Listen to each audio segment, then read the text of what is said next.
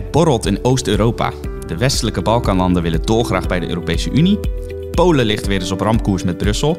En ook met Oekraïne wordt weer gepraat. We gaan het erover hebben in deze nieuwe aflevering van Bruxelles, de podcast van EW over de EU, die zijn macht steeds verder uitbreidt. Met onze correspondent René van Rijkenvorstel bespreken we de actualiteit en achtergronden. Mijn naam is Matthijs van Schie. Goed dat u luistert. René, hartelijk welkom. Het was vorige week eh, Oost-Europa dat eh, de klok sloeg hè, in Brussel. Wat, uh, wat, wat moeten we daar allemaal onder verstaan, Oost-Europa? Deze week trouwens ook nog, hè, Matthijs? Ja, uh, ja Oost-Europa, dat is natuurlijk een. een uh, ik heb het een beetje uitgezocht. Niet dat het heel moeilijk is, maar ik heb toch eventjes een beetje ding op een rijtje gezet. Uh, en er zijn uh, elf lidstaten van de 27 lidstaten van, van de Europese Unie zijn, zijn gelden als midden, middel en midden- en Oost-Europa. En die zijn er eigenlijk voor het grootste deel in 2004 bijgekomen. Acht daarvan kwamen er in 2004 bij. Dat waren de drie Baltische staten, Estland, Letland en Litouwen. En dan Hongarije, Polen, Slovenië, Slowakije en Tsjechië.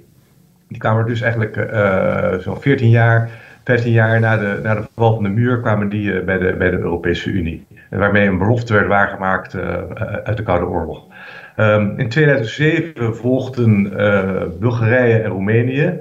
En in 2013 Kroatië. Ja, die landen tezamen, die elf landen tezamen, die vertegenwoordigen een kwart van het aantal inwoners van de Europese Unie. De Europese Unie heeft ongeveer 450 miljoen inwoners.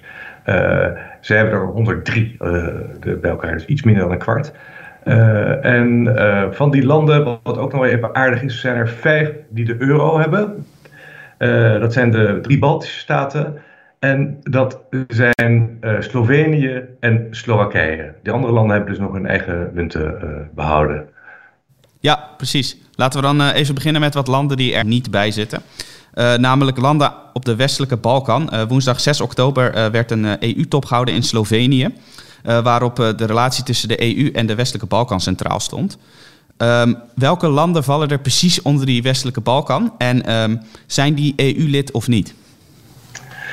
Dat, dat gaat grof gezegd om de landen die, die behoorden tot het voormalig Joegoslavië en Albanië. Kijk, eigenlijk Servië is het grootste land van die, uh, van die zes. Het zijn 7 miljoen inwoners. Dan heb je Bosnië en Herzegovina met 3, Kosovo met 2, Albanië met bijna 3 miljoen, Noord-Macedonië met 2 miljoen en Montenegro met een half miljoen inwoners. Het zijn bij elkaar ongeveer evenveel inwoners als Nederland. Um, en uh, die willen eigenlijk dolgraag bij de, bij de Europese Unie. Uh, en begrijp, dat is wel begrijpelijk, want ten eerste, ja, de Europese Unie levert dan geld voor, voor, voor bijvoorbeeld infrastructuur in die landen en die zijn nog vrij gebrekkig, dus dat kunnen ze goed gebruiken. En de Europese Unie houdt ze eigenlijk al een tijdje aan het lijntje.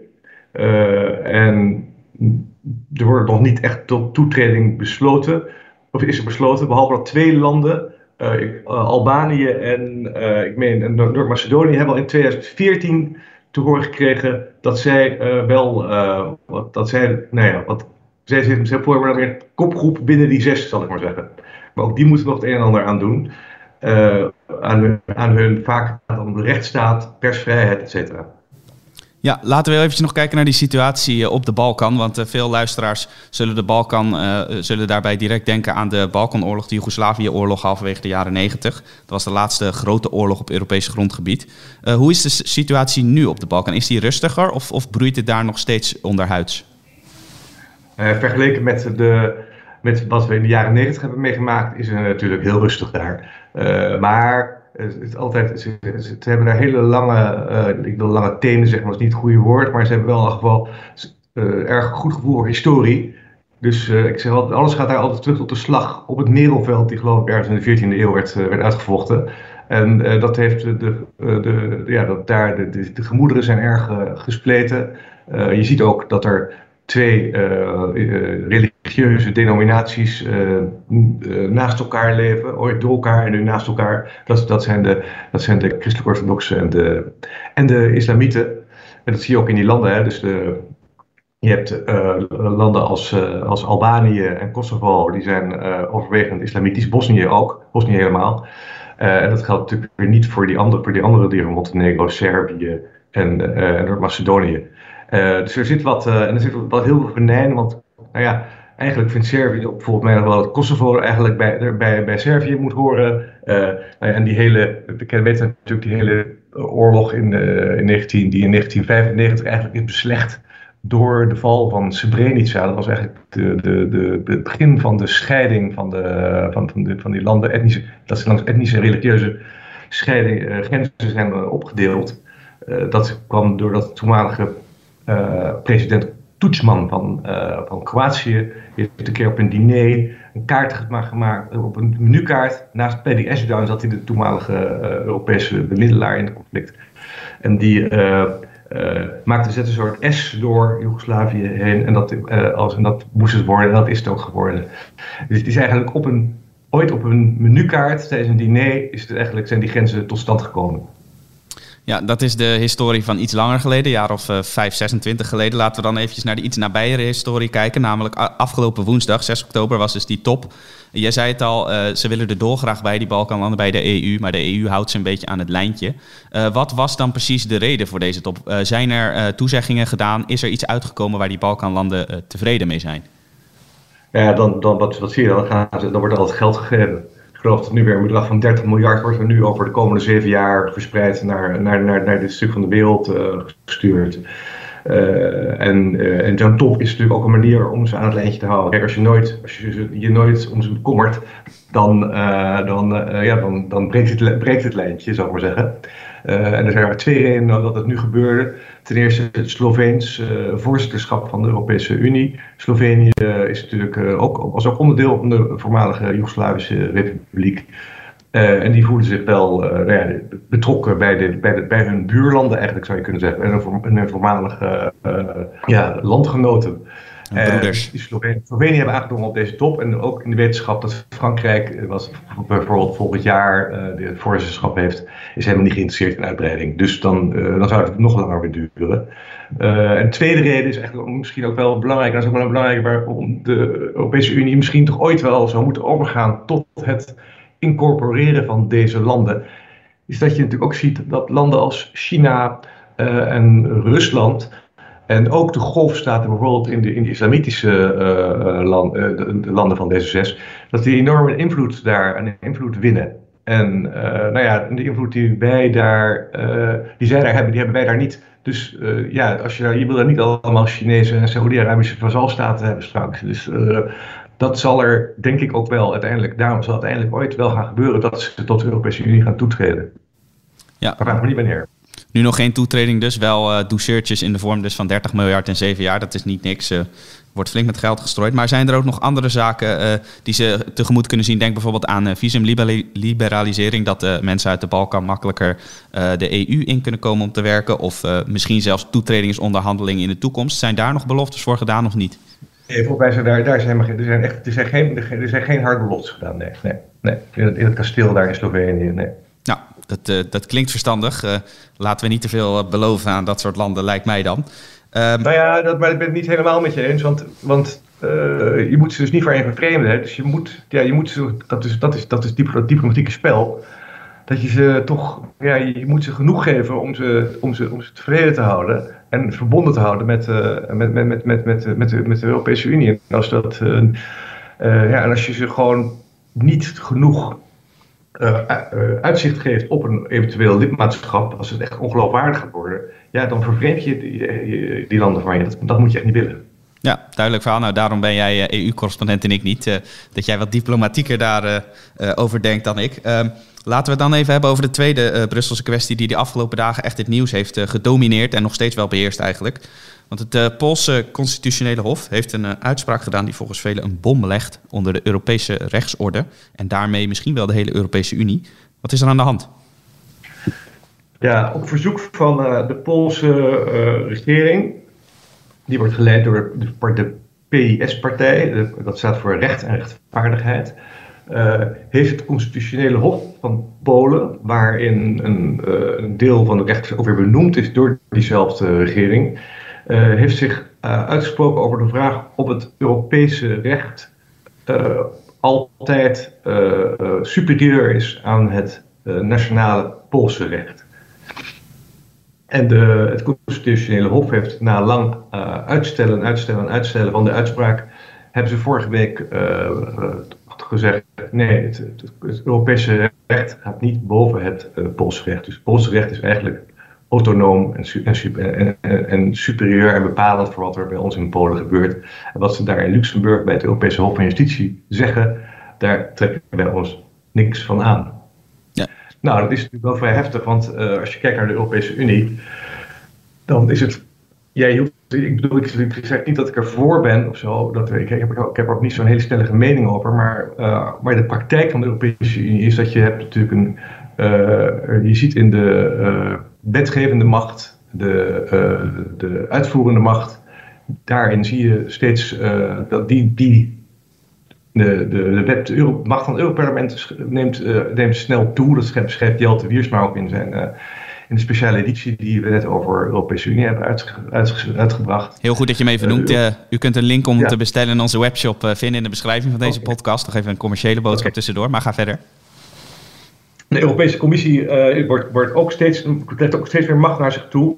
En, het, en, en, het, en, het, en, en, eigenlijk het, dit, was, dit stuk staat ook in, in die speciale editie. de, de Europese rechters hebben ook eigenlijk vanaf het begin, vanaf de jaren 60 eigenlijk al, ook al die macht uh, naar toe getrokken. Dus er is een soort, ik heb een soort Europese trias politica eigenlijk. Dus naarmate, en ik denk, de muntunie leidt weer tot, tot, tot, tot, politieke unie, dat leidt weer tot grotere macht van de, van de commissie, dat leidt weer het parlement uh, er is macht op. Dus je ziet dat Europa steeds, dat is dat Bruxelles, dat XL, steeds, ja, steeds meer macht krijgt. En, dat, en er hoort ook een soort juridische poot bij. Die dus, trein uh, valt, valt dus niet zomaar te stoppen, maar, maar de Polen doen nu toch een poging. Is dat al definitief door die uitspraak? Of, of wordt de soep uh, nog niet zo he heet gegeten als die wordt opgediend door veel commentatoren? Nou, er, is, die, die uitspraak is er nu, maar die moet nog wel weer bekrachtigd worden. Dat wijst ook niet op echt trias politica trouwens in, in Polen. Uh, die moet weer bekrachtigd worden door, door de Poolse regering bij de soort, die moet dan echt gepubliceerd worden ergens in een soort staatscourant of zo, weet ik niet. Maar die moet dan, dus er moet, en dat is nog niet gebeurd. Dus zolang er nog niet is gebeurd, hangt die, nog, hangt die uitspraak gewoon uh, boven de markt. Ja. Helder. Um, dan uh, wordt er dus ook wel gezegd uh, dat het een bommetje is onder de Europese rechtsorde. Stel nou inderdaad dat die, rechter, uh, die rechteruitspraak wordt bekrachtigd. Is het dan inderdaad een bom onder die Europese rechtsorde? Zou het dan kunnen dat heel veel landen zeggen: Nou, weet je wat, ons recht is superieur aan het Europese recht, zoek het maar uit. Denk jij dat dat zo ver kan gaan? Nou, een bommetje, een bommetje onder de rechtsorde, dat vind ik ook. Het gaat natuurlijk niet over alles. Het zal misschien incidenteel zal Polen misschien een keer zeggen van hier en hier uh, uh, gaan, gaan, we niet mee in de, Europese uh, in de Europese juridische besluitvorming. Maar misschien met heel andere dingen weer wel. Hè? Dus dat, die weten dus helemaal niet dat ze nooit de, de, de, de suprematie van het Europese Hof zullen erkennen. Maar ze erkennen gewoon dat het niet altijd superieur is. Dat is wel, dat is wel een verschil. Maar wat je wel ziet, dat is wel.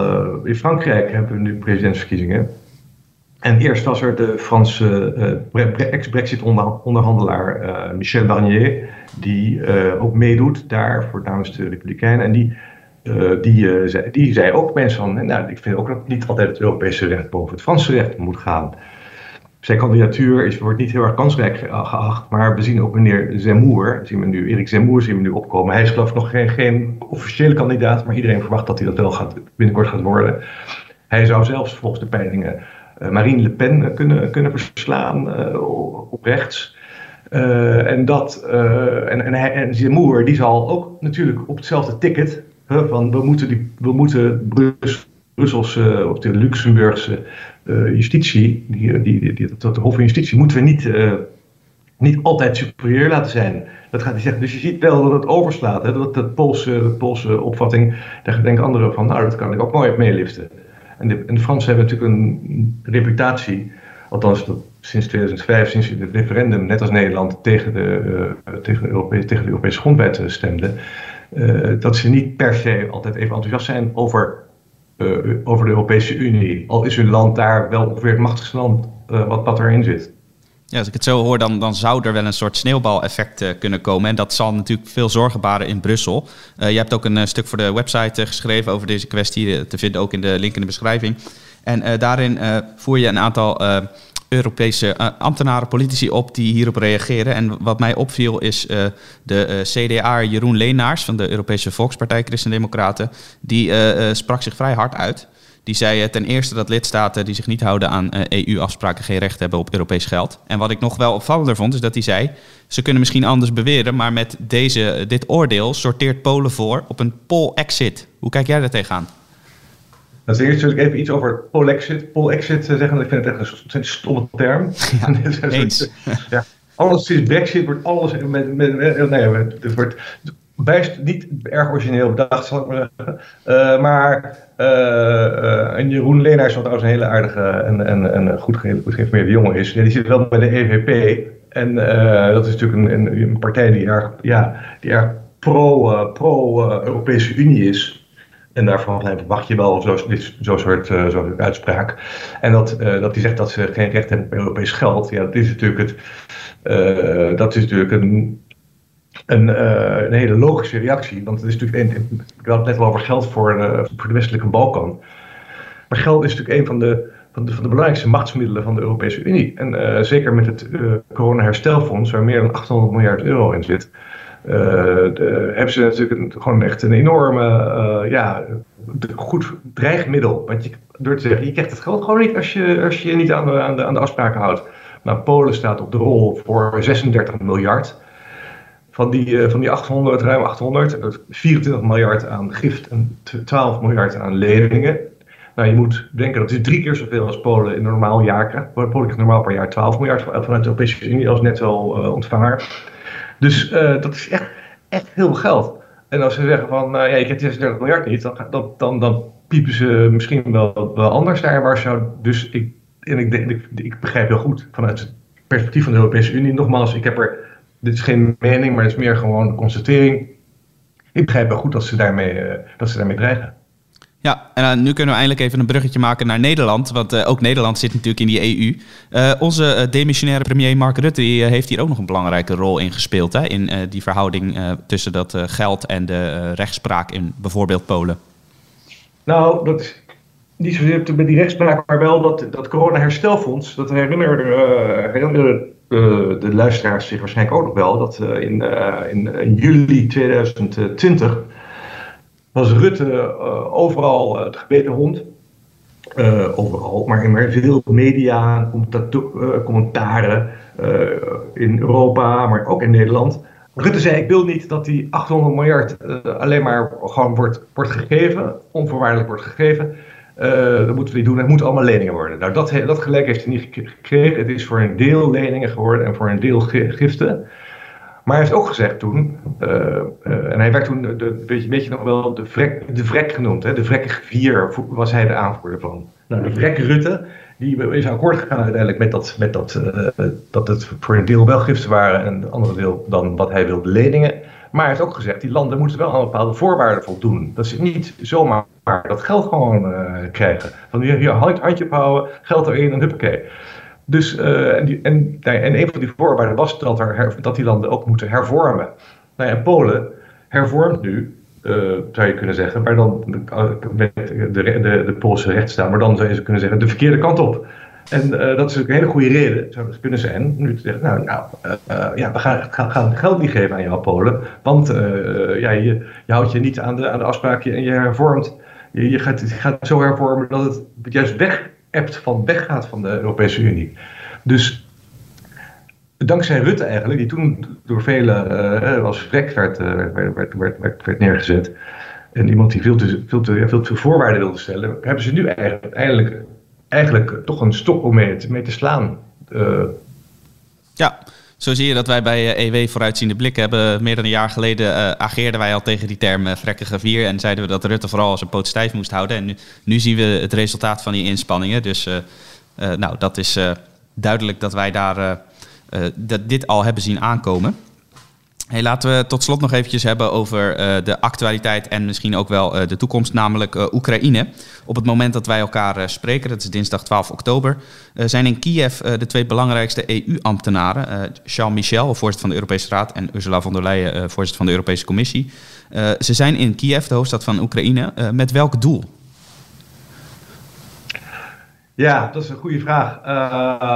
om daar een beetje te praten en, en, en, en een beetje aan te dringen op wat je, dus veel van die Europese landen ziet weer op uh, uh, zorgen dat er juridische hervormingen komen en zorgen dat anticorruptiemaatregelen worden, worden, worden geïmplementeerd. Uh, dat, dat, zullen, dat, zal, dat zullen de eisen zijn van de, of de eisen, ja, de, de eisen van de EU zijn, want er hangt ook natuurlijk weer een pak geld tegen, tegenover. En Oekraïne zal het vooral willen hebben over energie en over, de, over ja, dat door die Nord Stream 2 worden zij straks helemaal gepasseerd in de energielevering uh, aan uh, Europa.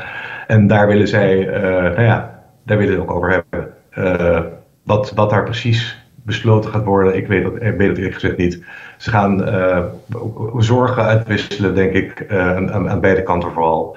En of er nu echt wat uit gaat komen, um, ik, betwijfel, het. Maar ik moet altijd bij Oekraïne wel denken aan 2014, eh, toen daar op het plein, uh, februari, Maidanplein in Kiev, daar uh, Hans van Balen, helaas dit jaar overleden, en, en Guy Verhofstadt stonden nou ja, te, te, te, beloven dat, de, dat, dat Oekraïne bij de Europese Unie zou komen. Ja, dat, dat gaat natuurlijk niet, niet gebeuren, maar dat heeft wel toch een soort verplichting eigenlijk nog gecreëerd. Een verplichting dat je ook met die land, met mensen van landen moet blijven, moet blijven praten natuurlijk. En, uh, en het is ook heel belangrijk, dat Oekraïne betekent grensland eigenlijk. Hè? Dus het is echt echt het land tussen, ja, tussen dat gigantische Russische Rijk en... Uh, en, en, en Europa. En uh, ja, Rusland ligt natuurlijk ook voor Europa, maar en west, westelijk Europa. Dat klinkt misschien ook niet helemaal goed, maar het westelijke deel van Europa, laat ik het zo zeggen. En dan het, het ver, en dan heb je de Russen, de Wit-Russen en de, dan heb je ook allemaal andere landen heb je daar liggen die ook weer waar ook de Europese Unie trouwens ook weer een soort partnership in heeft. Hè. Landen als uh, Armenië, Azerbeidzjan, uh, Georgië, Wit-Rusland, zei Moldavië. Dat, en de Oekraïne trouwens ook, die zit dan weer in een soort oostelijk partnerschap, ook van de Europese, met wat de Europese Unie heeft. Dus je hebt de, hebben dus de, de, de, de, landen, onze, de lidstaten in het Midden- en Oost-Europa, we hebben de westelijke Balkan. Uh, en we hebben dus ook nog het oostelijke partnerschap. Dus zo, nou ja. En, en waar Europa ophoudt, dat is altijd de grote vraag. En die stelde Frits Bok destijds al. Dat, uh, dat, weet, dat weet niemand. Uh, ergens, nou, bij de Oeral in elk geval, dat weten we wel. Maar, nou, waar, maar waar zeg maar, het, het, het, het, het politiek, economische samenspel op, op moet houden ooit, dat weet niemand. Nou, dat gaan wij de komende jaren beleven. Jij gaat het vanuit Brussel zien en uh, u leest het uiteraard uh, op onze website. Uh, alle verhalen van René van Rijkenvorsel over de EU die verschijnen uiteraard in EW en op onze website ewmagazine.nl. Ook de links naar de artikelen die wij zojuist hebben besproken vindt u in de beschrijving van deze podcast. Vergeet ons uiteraard ook niet te volgen op Twitter, Facebook en Instagram via @ewmagazine.nl. nou, dan zijn we voor vandaag aan het einde gekomen van deze podcast. René, hartelijk dank. En uh, heel, veel succes uh, daar in Brussel. Uh, u, de luisteraar, wil ik ook bedanken. En graag tot een volgende keer. Wilt u niets missen? Abonneer u dan in uw favoriete podcast-app, bijvoorbeeld Spotify of iTunes, door te zoeken op EW. U kunt ook luisteren op onze site via ewmagazine.nl/podcast.